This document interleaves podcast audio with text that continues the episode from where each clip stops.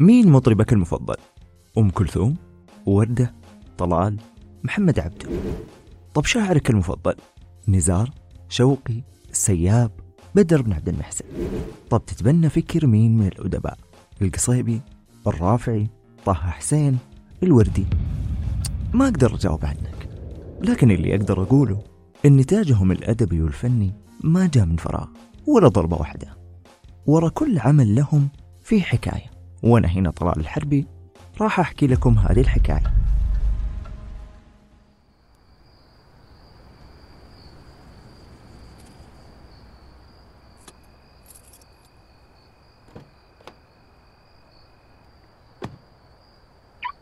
في ليلة من الليالي الساعة 12 ونص تحديدا دخلت البيت. الهدوء يعم المكان. عدا ذلك الصوت المنخفض في أذني يغني سرت الحب. دخلت غرفتي. استلقيت على ظهري. أتأمل تلك النقوش التي تعلو سقف الغرفة. لا صوت لا حركة سوى أنفاسي العميقة وتلك الست. في حالة شجن وبدون تفكير قلت الله! في نفس اللحظة قالت أم كلثوم ما بقولش في حبك غير الله الله الله الله. حبك غير الله الله الله. السؤال هنا ليش إذا أعجبنا شيء نقوله بدون تفكير الله الله الله؟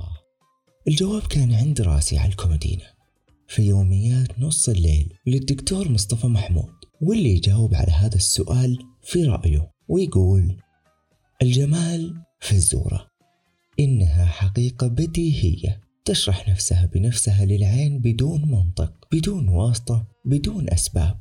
فالمنظر الجميل يخطف عينك بلمحة واحدة فتهتف الله بدون تفكير وبدون أسباب. والوجه الجميل يخطف قلبك فتقف تحملق في بلاها بفم مفتوح وتهتف. الله! والموسيقى الجميلة تغمرك بالنشوة والطرب وتأسر حواسك من قبل أن يفيق عقلك على الأسباب ويفهم السر. وإذا سألت نفسك ما السبب؟ السر الحيثيات التي جعلت من الشيء الجميل جميلا مطربا فإنك سوف تتعب. أستاذ الفلسفة وعلم الجمال المصطفى الآخر الدكتور مصطفى عبده. اختتم كتابه الإسلام يحرر الفن من القيد الوثني والأسر الكهنوتي بمقولة جميلة اختصر فيها الجمال من جميع النواحي بنظرة إسلامية فيقول الحق تصديق للجمال والخير نعت للجمال والشعر وصف للجمال والتشكيل إبراز للجمال. والموسيقى إيقاع للجمال والفكر تعريف للجمال والمنطق تحديد للجمال والتصوف معرفة الجمال والإلهام محبة للجمال والنور حقيقة الجمال والله هو مصدر الجمال. من الجمال هذا كله بناخذ حاجة واحدة فقط هي أساس هذه الحكاية الشعر وصف للجمال. الشاعر بيرم التونسي لما زار الحرم المكي والمدني ورأى ما رأى من جمال الكعبة ووفود الناس وكمية الراحة وروحانية المكان بدأت دموعه تنهمر. ولما رجع لمصر وصف جميع تلك المشاهد في أبيات شعرية جميلة وبسيطة تلامس كل من قرأها أو سمعها. القصيدة كانت تحمل معاني التوبة والتوحيد في أجلى صوره. تحاكي قصة عبد نادم. لم يجد سبيلا للتمرد على الخالق سوى اللجوء إليه بعدما استشعر عفوه رحمته ليعود نادما باكيا مناجيا وما أجمل أن تكون المناجاة في مكة المكرمة والطواف بالبيت المعمور. كلمات القصيدة وللوهلة الأولى تعطي انطباعا على أنها أبيات عاطفية تتكلم عن الحب وعشق الجمال وما إلى ذلك. لكن كلمات بيرم تتدحرج سريعا لتتحول إلى أبيات صوفية خالصة تتحدث عن حب الله الذي يدوم ولا ينقطع ولا يعاتب التائبين أو يلومهم. ومن هذه المشاعر الدينية الفياضة يطير القارئ أو المستمع بكلمات بيرم إلى المشاعر المقدسة في المسجد الحرام والروضة النبوية الشريفة ليصبح أمام نص نادر المثال. لو نجي نقسم القصيدة بنقسمها إلى ثلاث مشاهد. المشهد الأول يحكي قصة العلاقة بين العبد والرب بين الابتعاد والتقصير الإنساني وبين النداء الإلهي بالعودة والإنابة. المشهد الثاني يصور زيارة مكة المكرمة ومشاعر الأمن والراحة التي تغمر كل من يدخل المسجد الحرام.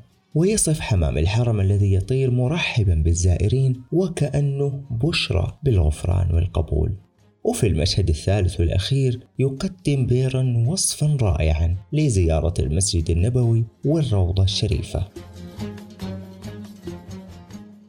أوصى بيرم التونسي رفيق عمره زكريا أحمد بتلحين تلك الأبيات وعرضها على أم كلثوم لكن ذلك لم يتم بسبب بعض الخلافات.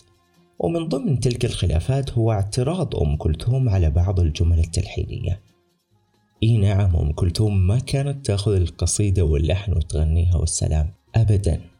المهم بعد حوالي العشر سنوات وبعد وفاة بيرم التونسي وتحديدا بعد وفاة زكريا أحمد بعام أخذها رياض السنباطي علشان يعيد تلحينها. تخيلوا أنها كانت السبب بعد الله في حج السنباطي. يروي الكاتب مصطفى الضمراني في كتابه حكايات وراء أغاني زمن الفن الجميل تأثير كلمات هذه القصيدة على السنباطي وهو يلحنها. فيقول بعد منتصف الليل سمعت السيدة كوكب زوجة رياض صوته وهو يدندن على العود في قمة التأثر وكاد يبكي من شدة تأثر وانفعاله بكلمات القصيدة. فطرقت الباب عليه وجلست إلى جواره تسأله ماذا بك يا رياض حتى تتأثر إلى هذا الحد؟ وما هي تلك الكلمات التي جعلتك تعيش كل هذا التأثر؟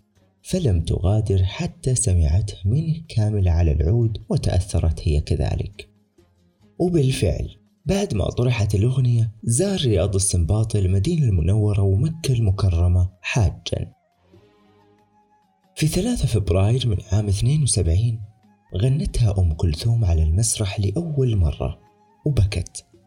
الغريب أن الست التي كانت بداياتها أصلا كلها قصائد دينية ومشاحات إسلامية والتي تغنت بالكثير منها لشعراء كثر توقفت عن الغناء الديني عام 65 إلا أنها عادت إليه مرة أخرى بعد سبع سنوات بكلمات بيرم وهذه الرائعة. القلب يعشق كل جديد لحنيا قدم رياض السنباطي صياغة خلت تماما من كل أشكال التعقيد النغمي الذي اعتادوا في ألحانه. وبالمناسبة السنباطي هو أحسن من يلحن القصيدة الشعرية باعتراف جميع النقاد والمثقفين والمستمعين العرب.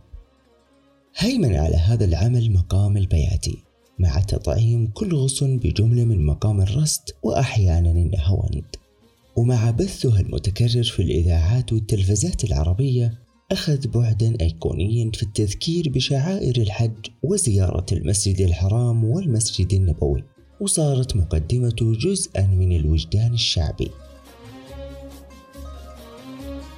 المرة الأخيرة التي أدت فيها أم كلثوم هذه الأغنية على المسرح كان في 4 يناير من عام 73 ووقتها تجاوزت ال 74 عام. وكانت هذه وقفتها الأخيرة على المسرح وختام رحلتها مع الجماهير العربية حتى إن صوتها كان واهن جدا ولامستها الحشرجة أكثر من مرة. فلم تجد من الجماهير إلا ما اعتادته من تصفيق حاد وتشجيع كبير والذي بدا لهم أن هذا هو حفل الوداع. وفي هذاك الوقت كانت مصر تستعد لمعركة تحرير سيناء. وفي هذا الحفل الأخير لم تغب هذه الأجواء عن أم كلثوم فأعادت من القصيدة البيت اللي يقول يا رب توعدهم يا رب يا رب واقبلنا. فحولتها إلى يا رب وانصرنا. ولاقت الاستحسان الفوري من الجمهور. يا رب توعدهم يا رب يا رب وقبلنا عرف الشاعر بيرم التونسي بشاعر الشعب وهرم الزجل واعتبرها النقاد رائدا لشعر العامية في مصر. العجيب في الأمر أن شاعر الشعب لم يكمل تعليمه ما كان متفوق دراسيا. وفي نفس الوقت اضطر إلى العمل بعد وفاة والده في سن مبكرة. كان لديه اهتمام كبير بالشعر والأدب فحرص على قراءة أمهات الكتب. وبالرغم من ذلك كتب كلماته الأولى بالعامية المصرية بعنوان المجلس البلدي. ليذيع صيت هذه الأبيات في الإسكندرية كلها وتطبع منها أربعة ألاف نسخة وهذا عدد كبير في ذلك الوقت. وبدأت موهبة بيرم بالظهور للناس. كانت بداية انطلاقته الحقيقية من الإسكندرية في أوج ثورة 1919 هذه الثورة اللي كانت بعد الحرب العالمية الأولى بقيادة الوفد المصري برئاسة سعد زغلول ومجموعة من السياسيين المصريين. كنتيجة لتذمر الشعب المصري من الاحتلال الإنجليزي فشهدت انطلاقة بيرم تصاعدا كبيرا للحس الوطني في كل أنحاء مصر بتعاونه مع صديقه سيد درويش ليقدم الثنائي مجموعة من أروع الأعمال التي تنبض بالوطنية وتعد الآن من التراث الثقافي المرتبط بهذه الحقبة. شهدت حياة بيرم الكثير من الأزمات التي كانت أبرزها نفيه من مصر لمدة الستة عشر عام متفاوتة. بعد أزمته مع الملك فؤاد بسبب أشعار كتبها بيرم ينتقد فيها سياساته إلا أنه لم يتوقف عن الكتابة حتى في أصعب الظروف وألف مجموعة من أروع أعماله في المنفى. أمضى بيرم في المنفى فترة عصيبة جدا ما بين فقر وجوع وتشرد. ومن المواقف الصعبة التي عاشها ويرويها بيرم بنفسه هي تجربته مع الجوع في مدينة ليون الفرنسية فيقول. كنت أثناء الجوع أمر بمراحل لا يشعر بها غيري من الشبعانين كنت في البداية أتصور الأشياء وأستعرضها في ذاكرتي. هذا طبق فول مدمس وهذه منجاية مستوية. وهذه يا ربي رائحة بفتيك تنبعث من عند الجيران. ثم أصل بعد ذلك إلى مرحلة التشهي.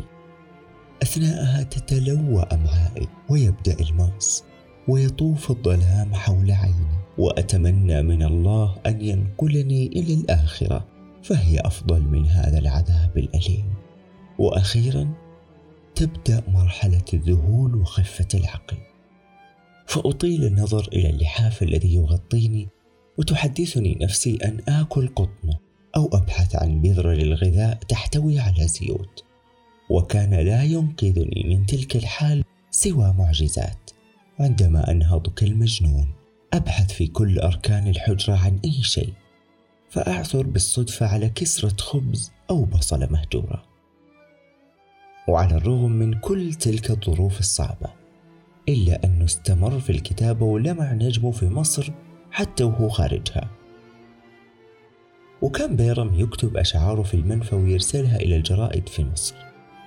فتنشر وتحصل أسرته على أجره. ولاقت كتاباته إشادة كبيرة من النقاد والشعراء وحتى شعراء الفصحى لسهولة كلماتها وانتشارها الواسع بين الناس. ومن أبرز تلك الإشادات كانت من أمير الشعراء أحمد شوقي. خلال فترة ما بعد الحرب العالمية كانت الأوضاع سيئة للغاية في أوروبا من بينها فرنسا. فقرر بيرم بطريقة أو أخرى العودة إلى تونس ثم في النهاية الرجوع إلى مصر والعمل على إيجاد حل لهذه الأزمة. وبالفعل هذا ما حصل. وتوسط له رئيس الوزراء آنذاك محمد محمود باشا عند الملك فاروق الذي كان قد تولى العرش بعد رحيل والده الملك فؤاد الذي حدثت في عهده الأزمة لتتم تسوية الأمور ويبقى بيرم في مصر أخيرا. شكل بعد ذلك ثنائي رائع مع أم كلثوم. أثمر نتائجه عن 33 أغنية من أشهر الأغنيات التي تغنت بها الست. ولعل من أبرزها واللي حققت نجاح ساحق واللي تعجبني أنا شخصيا هو صحيح الهوى غلاب.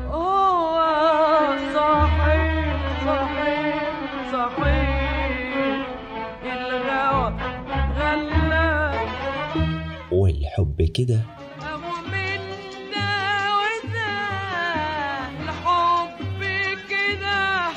والقلب يعشق كل جميل.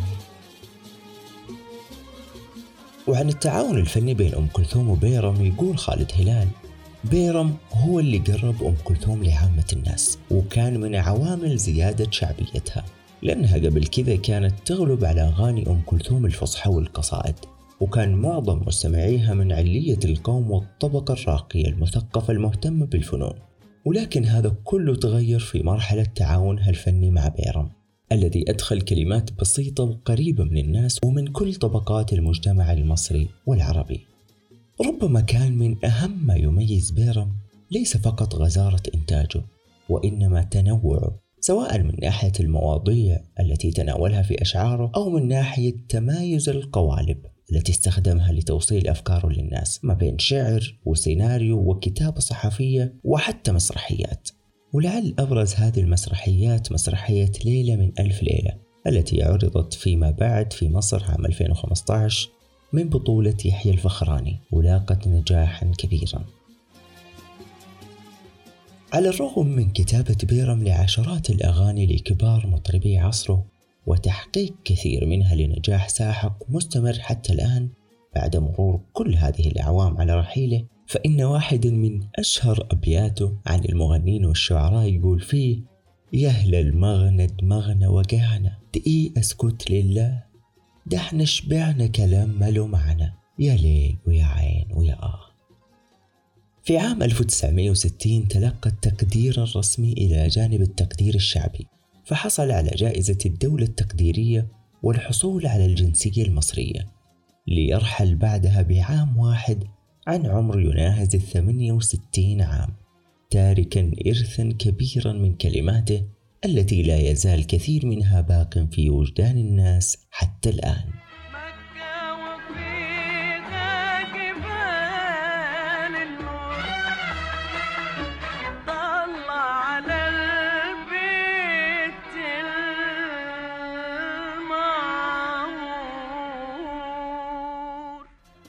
أتمنى تكونوا استمتعتوا بهذه الحكاية. ألتقيكم في الحكاية القادمة وفي أمان الله.